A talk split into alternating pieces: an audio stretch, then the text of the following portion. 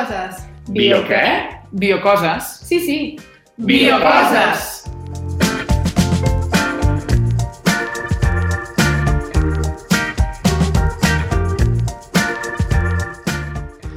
Bon dia des de Mataró Ràdio i benvingudes a Biocoses, un programa en què parlem de ciència i salut perquè tothom la pugui entendre i gaudir com ho fem nosaltres. Aquí a l'estudi hi tenim a Laia Torres Gerard Soler, i Oriol Buscar. I des de la distància, la Cèlia Ventura.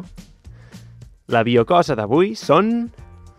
Els transgènics!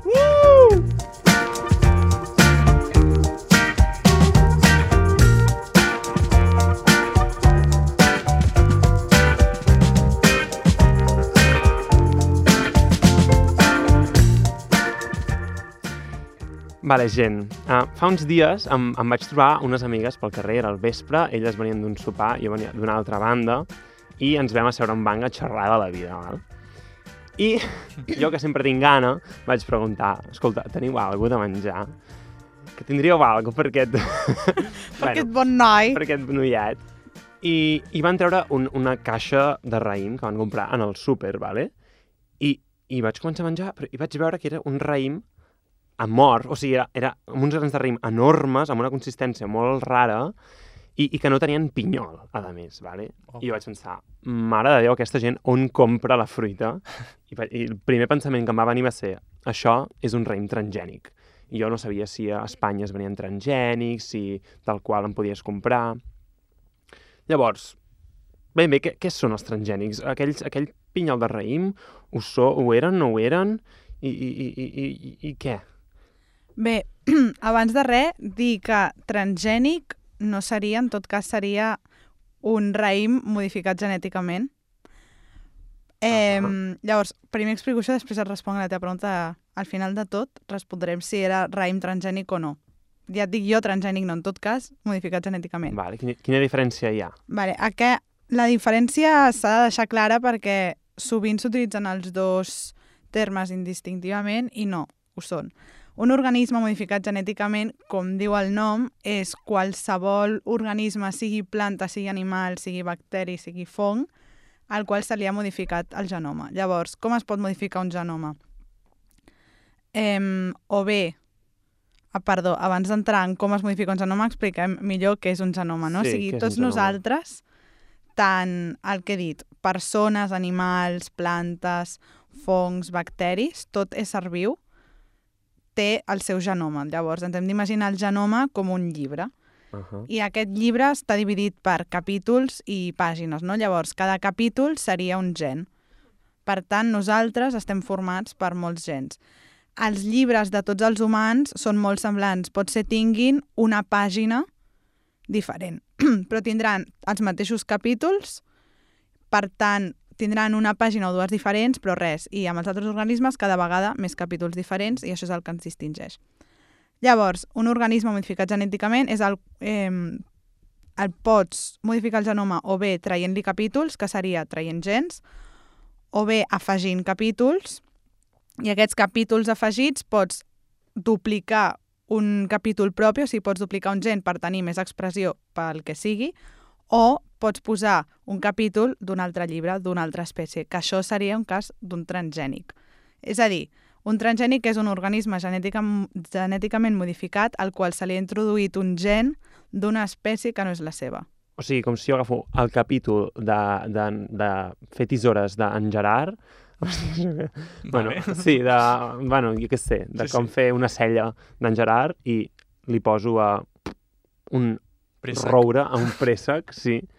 Sí, Llavors... I algú farà el roure amb, aprendrà a fer celles, per dir d'alguna manera. Clar, perquè una cosa important és que això pot funcionar perquè tots nosaltres, tots els nostres llibres estan escrits amb el mateix llenguatge. Llavors, això et permet que tu puguis agafar una cella nostra del llibre humà i la puguis posar a una patata, a un E. coli o a qui vulguis. Vale, o sigui, perquè cada capítol llavors són com instruccions, entenc, per fer una cosa, no? Sí, o sigui, el gen és la unitat amb la qual s'estructura el nostre, mm, els nostres àcids nucleics, el nostre DNA, per poder formar tot el que som. O sigui, Vale. un gen és una petita instrucció que codifica, per exemple, per una proteïna que farà X funció, per exemple, una proteïna que acabarà formant les Vale. celles del Gerard.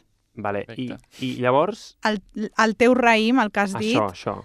en aquest cas no és un organisme eh, modificat genèticament al qual se li ha tret el gen aquest del, de la, del pinyol, perquè com passa amb els raïms o amb les síndries, també hi ha síndries que no tenen pinyol, Ah, són fruites, en aquest cas, que s'han anat seleccionant de forma natural i la llavor és la unitat principal de reproducció de les plantes. No? Llavors, aquests fruits són uns fruits que no han estat fecundats i que, per tant, tampoc podran fecundar i podran formar nous fruits. Per tant, són fruits estèrils, però te'ls pots menjar perquè són totalment normals i simplement hi ha hagut X procés pel qual han perdut la seva llavor, però de forma natural, no s'ha Vale. modificat. Es podria fer, I els hem anat seleccionant i per això cultivem aquests, per dir-ho així. exacte, o- Ah. però han estat tot mutacions espontànies perquè Vale, vale. així és com tots som diferents també, perquè tenim pàgines diferents, per tant, la pàgina de fer les llavors es va eliminar de forma natural i nosaltres ho vam seleccionar perquè som molt tiquismiquis i no volem menjar raïms amb llavors. I, I llavors, aquests transgènics, què ens aporten? Què, per què els volem?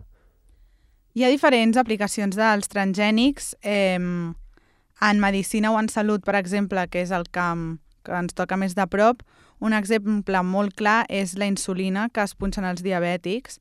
Ara actualment ja es fa de forma industrial, però abans s'utilitzaven E. colis, que són el, un dels bacteris més coneguts, eh, que els tenim presents per ser dolents, però en realitat en, en l'àmbit biològic, científic, són els més utilitzats a l'hora de, de produir o de fer experiments perquè es coneix molt bé. Llavors, la insulina en aquest cas s'agafava el gen de la insulina humana i es posava dins de l'E. coli. Per tant, l'E. coli anava creixent i t'anava produint la insulina humana. Després, per diverses tècniques l'acabaves purificant, l'acabaves aïllant i tenies la teva insulina humana creada a partir de coli que podies punxar perfectament als pacients perquè era exactament la mateixa insulina que els hi faltava. Vale, o sigui, no tots els transgènics es mengen, entenc. O sigui, quan diuen transgènics no, no sé què, suposo que... Clar, o sigui, en l'àmbit eh, comercial, com se diem, nosaltres només coneixem els transgènics alimentaris, però es, poden aplicar a molts camps. O sigui, Vale, de fet, vale, vale. actualment s'apliquen molt. Vale, vale. I un altre cas, per exemple, que pot, so, pot sonar, eh, que aquí ja la part ètica seria debatible, però hi ha un altre tema, són els peixets aquests fluorescents, que segur que en alguna, en alguna botiga d'animals ho haureu vist, que hi ha un peixet groc, un peixet blau, un peixet verd, que quan tanques els llums de cop s'il·luminen. En sèrio. Jo no els he vist mai. Jo, jo pensava que eren aquests típics del laboratori que la gent feia servir per fer coses. Clar, aquestes proteïnes fluorescents s'utilitzen al laboratori per marcar cèl·lules o el que sigui, però hi ha gent que ho ha fet i ven aquests peixets pel simple fet que tu tinguis una peixera a casa i que quan apaguis els llums de cop els teus peixets siguin de La colors. corrupció típica de l'ésser humà. Clar. Sempre va quedant tota la... I així, fun fact, aquestes proteïnes fluorescents venen de fet de d'una medusa. Ah, amigo. Aquella Vale. Llavors- australiana, no? De les marees, així. Pensava que venien d'Avatar. No, quasi. Avatar eren transgènics. Oh my gosh. Look at her butt. Oh my gosh. Look at her butt. Oh my gosh. Look at her butt. Look at look at look at look at her butt. This to name my Un apunt, vale? Um, és que ens fa molta gràcia que organisme modificat genèticament són, les seves sigles són OMG, que en anglès seria o, OMG, que OMG. ve a ser Oh my God, que ve ser Oh Déu meu. Per tant, potser així, li, casualment li direm Oh my Gods o els hi direm. OMGs. OMGs, vale? en els transgènics, en els organismes modificats, modificats genèticament. No, I- els trans... o sigui, els transgènics són OMGs, però els Sí. OMGs no són transgènics. Exacte. Però bueno, que, pot, que direm oh, oh my God. Okay. Jo diré Oh my God. Casa la Niki. I Bé, no tot. Ara parlarem amb la Cèlia. No és que parlarem, la Cèlia ens ha preparat unes preguntetes des de Suècia. A veure què ens diu. Hola, companys. Um, bé, abans de res, vull dir que això que comenteu ara de, del raïm i del pinyol em recorda una mica a lo de la síndria quadrada, que és superdivertit. No sé si heu vist mai una síndria quadrada. Doncs es veu que es venen i va haver-hi com el debat de ostres, aquesta síndria està genèticament modificada per tal de que fos quadrada, no sé què, i després resulta que no, que senzillament la posaven en una mena de caixa quan anava creixent per tal de que agafés les mides i la forma d'un cub però em sembla molt divertit perquè sovint eh, pensem que una cosa és transgènica i no ho és, i ni que ho fos, doncs totes les connotacions que hi ha al darrere és una cosa que a vegades ens fa una miqueta de, una mica de, de biaix. Doncs jo el que avui he preparat és una cosa una mica diferent, perquè com que hi ha tant, tant tema amb els transgènics, que sí, que si no, que si no sé quantos, també hi ha moltes fake news. I llavors el que m'agradaria una mica avui és fer-vos un examen, perquè sí que, bueno, jo trobo faltar els PEMs, que són els exàmens que fem a la Pompeu, i trobo faltar aquest, aquests exàmens tan bonics de, de, de diferents opcions. Aleshores, el que farem és que us donaré una pregunta amb tres o quatre opcions i m'hauré de dir quina d'aquestes és certa o falsa. Ja us ho diré al començament. Serà easy peasy lemon squeezy. Aleshores, si us sembla bé, comencem. Començarem amb una pregunta una miqueta d'aspecte general. Aquí tenim tres um, statements, tres, tres frases, i m'haurà de dir quin d'ells és fals, d'acord? Doncs som-hi. El primer de tot és a Europa els aliments transgènics estan etiquetats. Després tenim que Espanya és el primer país europeu en producció d'aliments transgènics. I per últim, que el menjar orgànic no és transgènic. Una d'aquestes frases és falsa. A veure si ho podeu endevinar. Ostres. Tu, tu, tu, tu, tu, Tu, Ans tu, del tu. casut, no, aquí? Um, jo estic, jo estic um, encallat, eh? Mm. Ah, Jo aquesta la deixaria en blanc. Si em restés punts, jo la deixaria en blanc. repassem les opcions, no? La primera és, estan etiquetats a Europa els A transgènics. veure, sí, jo crec que és bastant europeu aquesta etiquetar les sí. coses de... sí, perquè costa molt aprovar un aliment transgènic, costa molt que surti al mercat perquè Clar, hi ha, bueno, hi ha molta pressió en contra també, Exacte, aleshores exacte. suposo que ho etiqueten bastant per evitar denúncies i coses. De... Sí, Etiquetes sí, a segur. favor de this contains Sí, els típics aliments. Sí, modificats segur. genèticament no l'he vist, però sí el Jo, jo, jo he vist els, o- els de OMG GMO free, exacte. aquestes les botigues GMO així free, més, sí. Vale. més modernetes. Per tant, si existeix GMO free, suposo que... Sí, jo crec que No? segur. sí, sí, aquesta sí. sí. Va, llavors, l'altra Espanya era... era... el primer país en producció de, de OMGs. Jo crec que, per desgràcia, o per, o per desgràcia, Espanya és pionera en moltes coses bones i no tan bones. No m'estranyaria gens. Bueno, perquè aquesta tampoc sabem si és bona o no bona. Depèn Bé. de cosa. Sí, però aviam, hi ha molt cultiu, Andalusia i tal. Hi ha, hi ha molt camp. Hi ha molt camp. Però el típic és sempre els pioners a Europa són com els alemanys o els... No? Doncs no ho sé. I la, la tercera quina era? La tercera era que el, els OMGs eh, no són orgànics, no? No, que el menjar No, que- orgànic no, no. porta OMGs. Vale, jo aquesta diria que és verdadera, no? En plan... L'orgànic no Orgànic porta vol dir OMGs. ecològic. Suposo, sí, no? Sí. Doncs jo Clar, crec que, però- Jo crec que aquesta... Però clar, un, un OMG Sí. també és, és orgànic. Exacte, no... Acaba sent una poma. O sigui, la cosa aquí és que lo ecològic orgànic és que no porta pesticides i tal. No et parla de si el seu genoma ha estat editat o no. Exacte. Jo no sé per què, però penso que... Ai, no sé. Penso que... Clar, sona més Pen- com més o sigui, típic, més ecològic, més exacte, natural. M'imagino Ja. que algú ecològic no podrà ser transgènic, saps? És com incompatible. Però no ha dit ecològic, ha dit orgànic. Però ja, però penso com el- que viu a. Suècia i allà diuen organic food, saps? Sí. Ja. I és que aquí menjar orgànic sonaria el que, el que Bueno, llences al, la falsa- al, al marró. Jo dic que la falsa és la segona. La d'Espanya no és primera. Sí, exacte. Jo crec que la tercera, no? Perquè pot ser ecològic, però també acaba sent una poma feta sense pesticides, per exemple. Exacte. Jo Jo, també. jo estic d'acord amb en Gerard. Aviam, Cèlia, Ostres, que fort, les vostres respostes eh, són, són molt bon, dolent... Sí, com que estem en un rigorós directe, definitivament he escoltat com heu debatit i, i sí, sí, sí, bueno, molt orgullosa o, o no.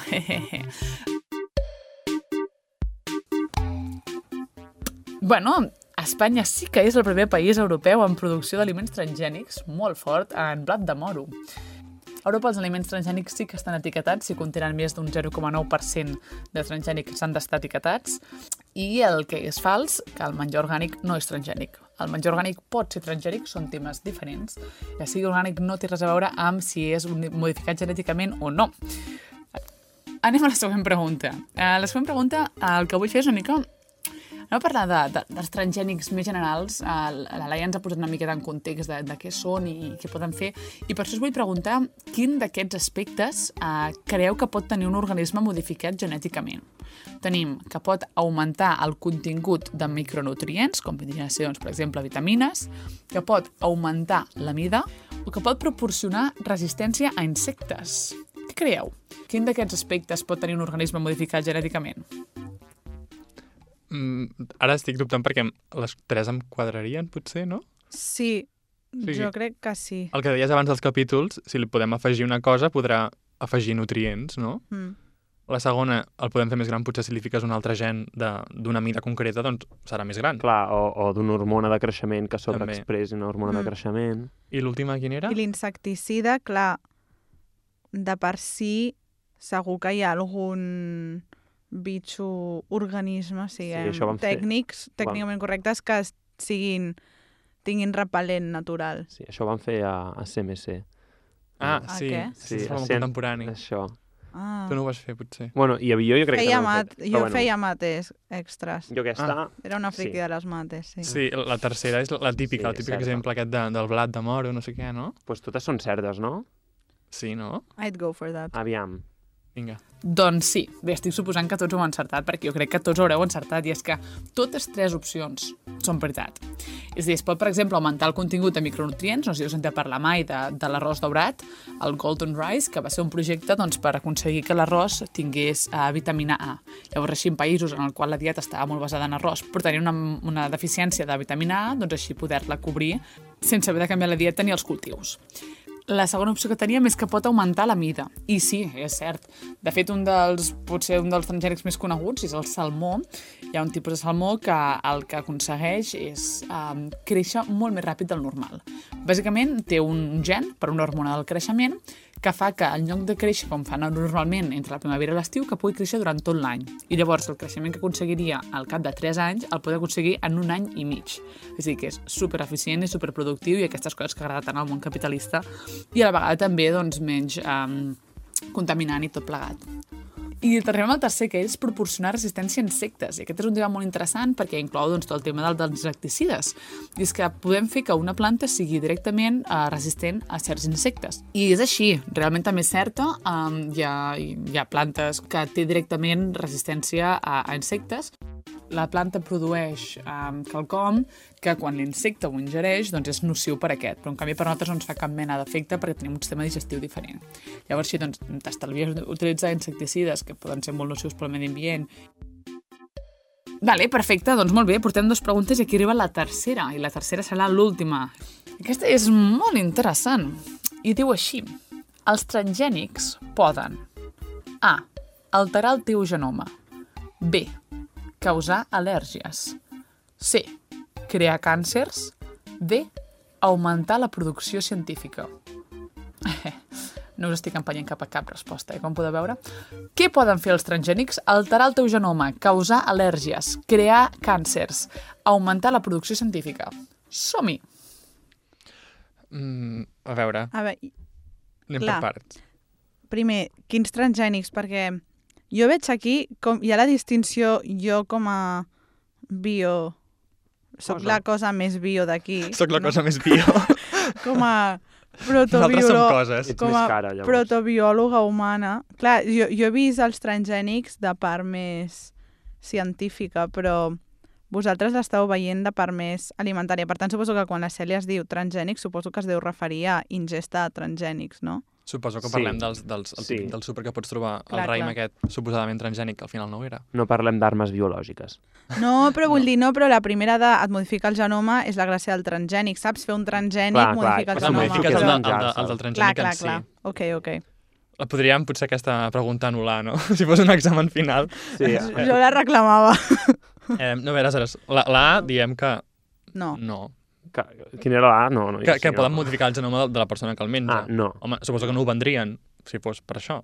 No, no, no. No, i a part que tu no... No té base... O sigui, no se't pot incorporar l'ADN al teu així de cop i a part que el que hem dit el gen que li, que li introdueixes està codificant per una proteïna i la proteïna, quan tu te la menges, es trenca i No. Vale. I l'ADN tampoc anirà a les teves Home, cèl·lules. de no? fet, si, això passés, podríem curar moltes malalties que no podem curar donant transgènics, per exemple. Per tant, no es Clar, fa no. i, i, i tant de bo passés en aquest sentit. Per tant, I, no es I pot. si se t'introduís el genoma de la cosa que t'estàs menjant, seríem tots eh, pastanagues i enciams i tot Seríem, això, per tant, no és el cas. Això, sí.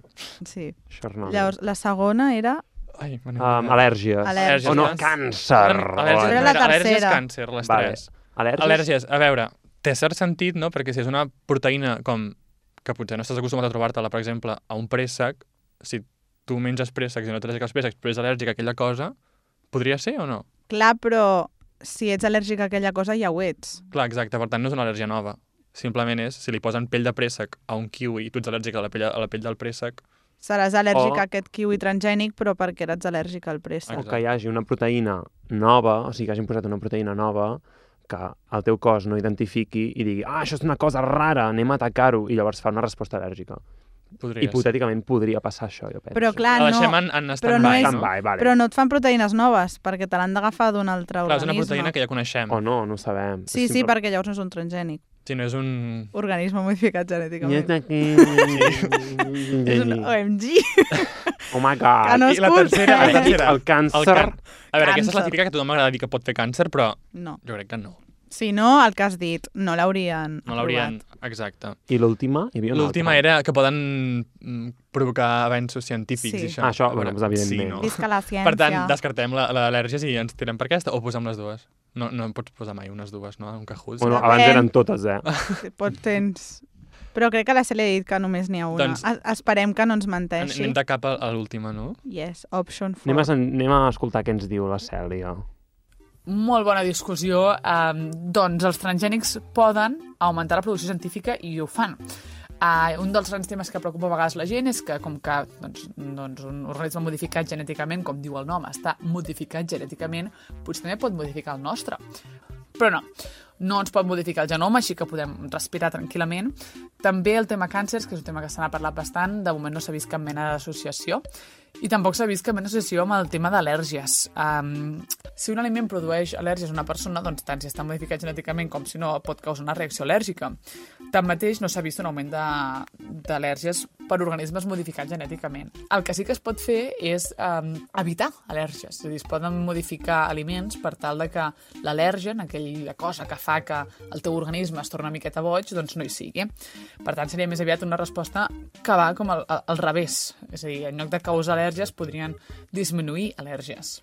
I bé, això vindria a ser la meva secció d'avui. Espero que hagueu aprovat. Mm, No, no us descomptaré les preguntes que tingueu malament, però espero que hagueu pogut respondre al màxim de bé possible.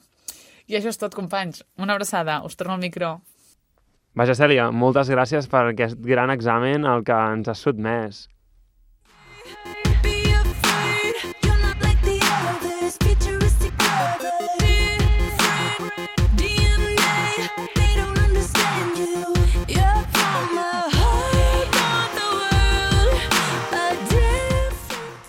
Different DNA. Hem entès que els transgènics són organismes que tenen DNA diferent al que tindrien un origen. Fins ara hem après què són i en coneixem alguns exemples. Però sí que els transgènics generen certa polèmica, no? I si generen aquesta polèmica serà perquè tenen coses bones, coses dolentes, o generen certa por. Què en sabem d'això? Afecten a la nostra salut? A veure, doncs, per introduir el tema de, de polèmiques sobre els transgènics va molt bé aquesta cançó, perquè la va cantar amb el Kanye West, que ha fet moltes polèmiques. Per tant, tot molt ben filat aquí. Aleshores, com ha dit la Cèlia, hi ha hagut moltes preocupacions sobre les implicacions dels transgènics en, en salut humana, perquè bàsicament ens centrem en nosaltres pràcticament sempre. Però, aleshores, en tema d'al·lèrgies, com ha dit la Cèlia, doncs s'ha demostrat que no hi ha hagut un augment i que fins i tot hi ha hagut reduccions perquè s'ha fet modificacions per evitar la proteïna que causava l'al·lèrgia, per exemple, d'algun fruit concret. Després també el càncer, que, com ja hem vist, tampoc, i a part s'ha demostrat en diversos estudis de manera repetida i molt repetida que no hi ha cap augment significatiu de càncers ni de, de cap altra malaltia així que pugui com crear una alteració orgànica física, o sigui, visible o, una alteració orgànica. I a part també hi ha hagut molts estudis centrats en eh, la possibilitat de doncs, transmetre alguna alteració d'aquestes als teus fills o, o que això afecti la teva fertilitat, que ja de- d'entrada pels éssers humans tampoc és una fertilitat massa bona. Però aleshores, clar, El problema és, sempre ens centrem en aquestes coses de fertilitat, passar-ho als fills, càncers, al·lèrgies, tot això, perquè és com realment són coses que passen freqüent en moltes coses del nostre entorn i si ens posem a mirar aquestes coses realment estem envoltats de coses que poden crear aquestes coses. Però amb el, precisament amb els transgènics s'han fet estudis molt concrets perquè hi ha com molta pressió en contra dels transgènics per demostrar que això no, no s'ha vist augmentat. Aleshores, eh, doncs això, la conclusió és que en aquest cas, en la nostra salut, de les aquestes malalties més significatives o més preocupants, s'ha demostrat que no hi ha cap augment significatiu ni, ni, ni cap de cosa demostrable. Però això com ho expliquem una mica? Eh, doncs això seria perquè, com hem dit, abans hem parlat del codi genètic i que sintetitza aquestes proteïnes que són com conjunts de... com, un, com el típic collaret de perles i cada perla és un aminoàcid i fa la proteïna. I aleshores aquestes estan ordenades d'una manera concreta que fan aquesta proteïna concreta. Aleshores, amb el transgènic el que fem simplement és a- agafar un tros d'aquest collaret i posar-lo a un altre. I aleshores, eh, quan tu et menges aquest collaret, bé, et menges aquest... Potser t'ofegues, però quan et menges aquesta fruita concreta modificada, el que acabes fent tu per digerir, com vam explicar una mica la setmana passada, una setmana passada, l'episodi passat, de, de la caca i tota la digestió, el que fas és trencar les coses en peces més petites que tu puguis absorbir. Aleshores, acabes trencant el préssec en proteïnes de préssec i les proteïnes en aminoàcids de préssec. I aleshores, estic dient préssec, que no sé si hi ha cap préssec transgènic, però eh, Bueno, posem-ho per cas. Segurament. digue-li Em- blat de moro. Va, el blat de moro. Aleshores, tu l'acabes trencant en trossets, que són els aquests aminoàcids, i al cap i a la fi el que, el que tu absorbeixes són aquests aminoàcids. No absorbeixes eh, cap Mm. cosa més com més modificada, ni cap isòtop redactiu, ni cap cosa estranya que pugui crear-te cap alteració. Perquè, a més a més, un transgènic no crea aminoàcids nous, simplement sintetitza aquesta proteïna que es fa amb els aminoàcids que tots tenim. Per tant, no hi ha cap base científica que pugui justificar aquesta creença de que et pugui modificar el teu genoma ni que et pugui crear cap afectació, afectació als teus descendents. Per tant, seria això. I llavors, la controvèrsia on ve? Perquè què és més? Una preocupació pel tema ecologisme o... o... Sí, sí, jo crec que la controvèrsia entra més aviat per aquí, pel tema de, de la vessant, o sigui, el vessant més ecològic i més que- del possible afectació que t'hi pugui tenir aquest transgènic a la biodiversitat.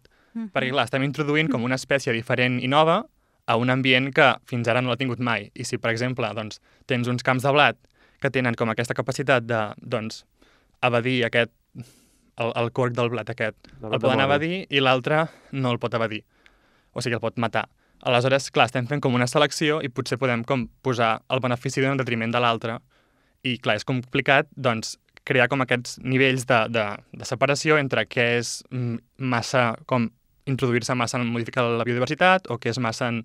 Que aquest tema tampoc el controlem massa perquè se'ns ama una mica, però jo crec que el problema entra en aquest, en aquest vessant més ecològic i agrícola i de, de, de la protecció de la biodiversitat. Perquè, clar, què pot passar si tenim dos camps, un transgènic i l'altre no, al costat? Què creieu que pot passar? que s'encreuin, no? O que s'encreuin, no? Clar, perquè es van reproduint les plantes entre elles, aleshores, clar, si un pagès t'està venent el producte com producte lliure de transgènics i té aquí un camp al costat que li està enviant espores transgèniques, els seus blats acabaran sent transgènics Mhm. també. Espor... Polen. No? Bueno, és polen, polen sí, el seu polen tra- transgènic acabaràs tenint com un plat que no és transgènic i per tant no el podràs vendre com a tal. I per tant suposo que el tema és més aviat de problemes amb, amb biodiversitat i també en fins econòmics, com una mica tot sempre. Mm. I aleshores, com a conclusió que podríem dir? Doncs jo crec que, per exemple, el, el tema aquest dels transgènics, el, el que s'hauria de fer és com, en el, del vessant més de biodiversitat i tal, doncs poder com establir com criteris de separació entre camps, per exemple, això d'espaiar-los una mica, que suposo que això ja s'ha fet bastant, i a part també evitar els típics monopolis de les grans empreses, com podria ser la Monsanto, aquesta, que és la Mm. famosa dels transgènics, Sí. que sempre s'ha d'evitar com que tinguin aquell monopoli de tots els transgènics, perquè si no, mm, no funcionarà bé. Clar, és veritat, hi ha molta queixa també a nivell de, com de sobirania alimentària, no? de que tenen una patent i que són ells els propietaris d'aquesta llavor i que al final, doncs, bueno... I també jo vaig llegir que um, molts transgènics s'utilitzen com oh, són la panacea per acabar amb la fam en el món i tot, però fa molts anys que existeixen, la fam segueix existint, Sí, i que la majoria d'aquests transgènics, per exemple, la soja transgènica, s'utilitza per fer pinso per animals, perquè nosaltres després ens mengem aquests animals, en lloc de dir, vale, reduïm el consum de carn i redistribuïm Sí. els recursos, són no. com pagats tots. Exacte, seguim fent la mateixa carn que menjaríem i, i, i au, i, i com si no passés Sí, res. Però bueno, és com que s'intenta vendre d'altres maneres.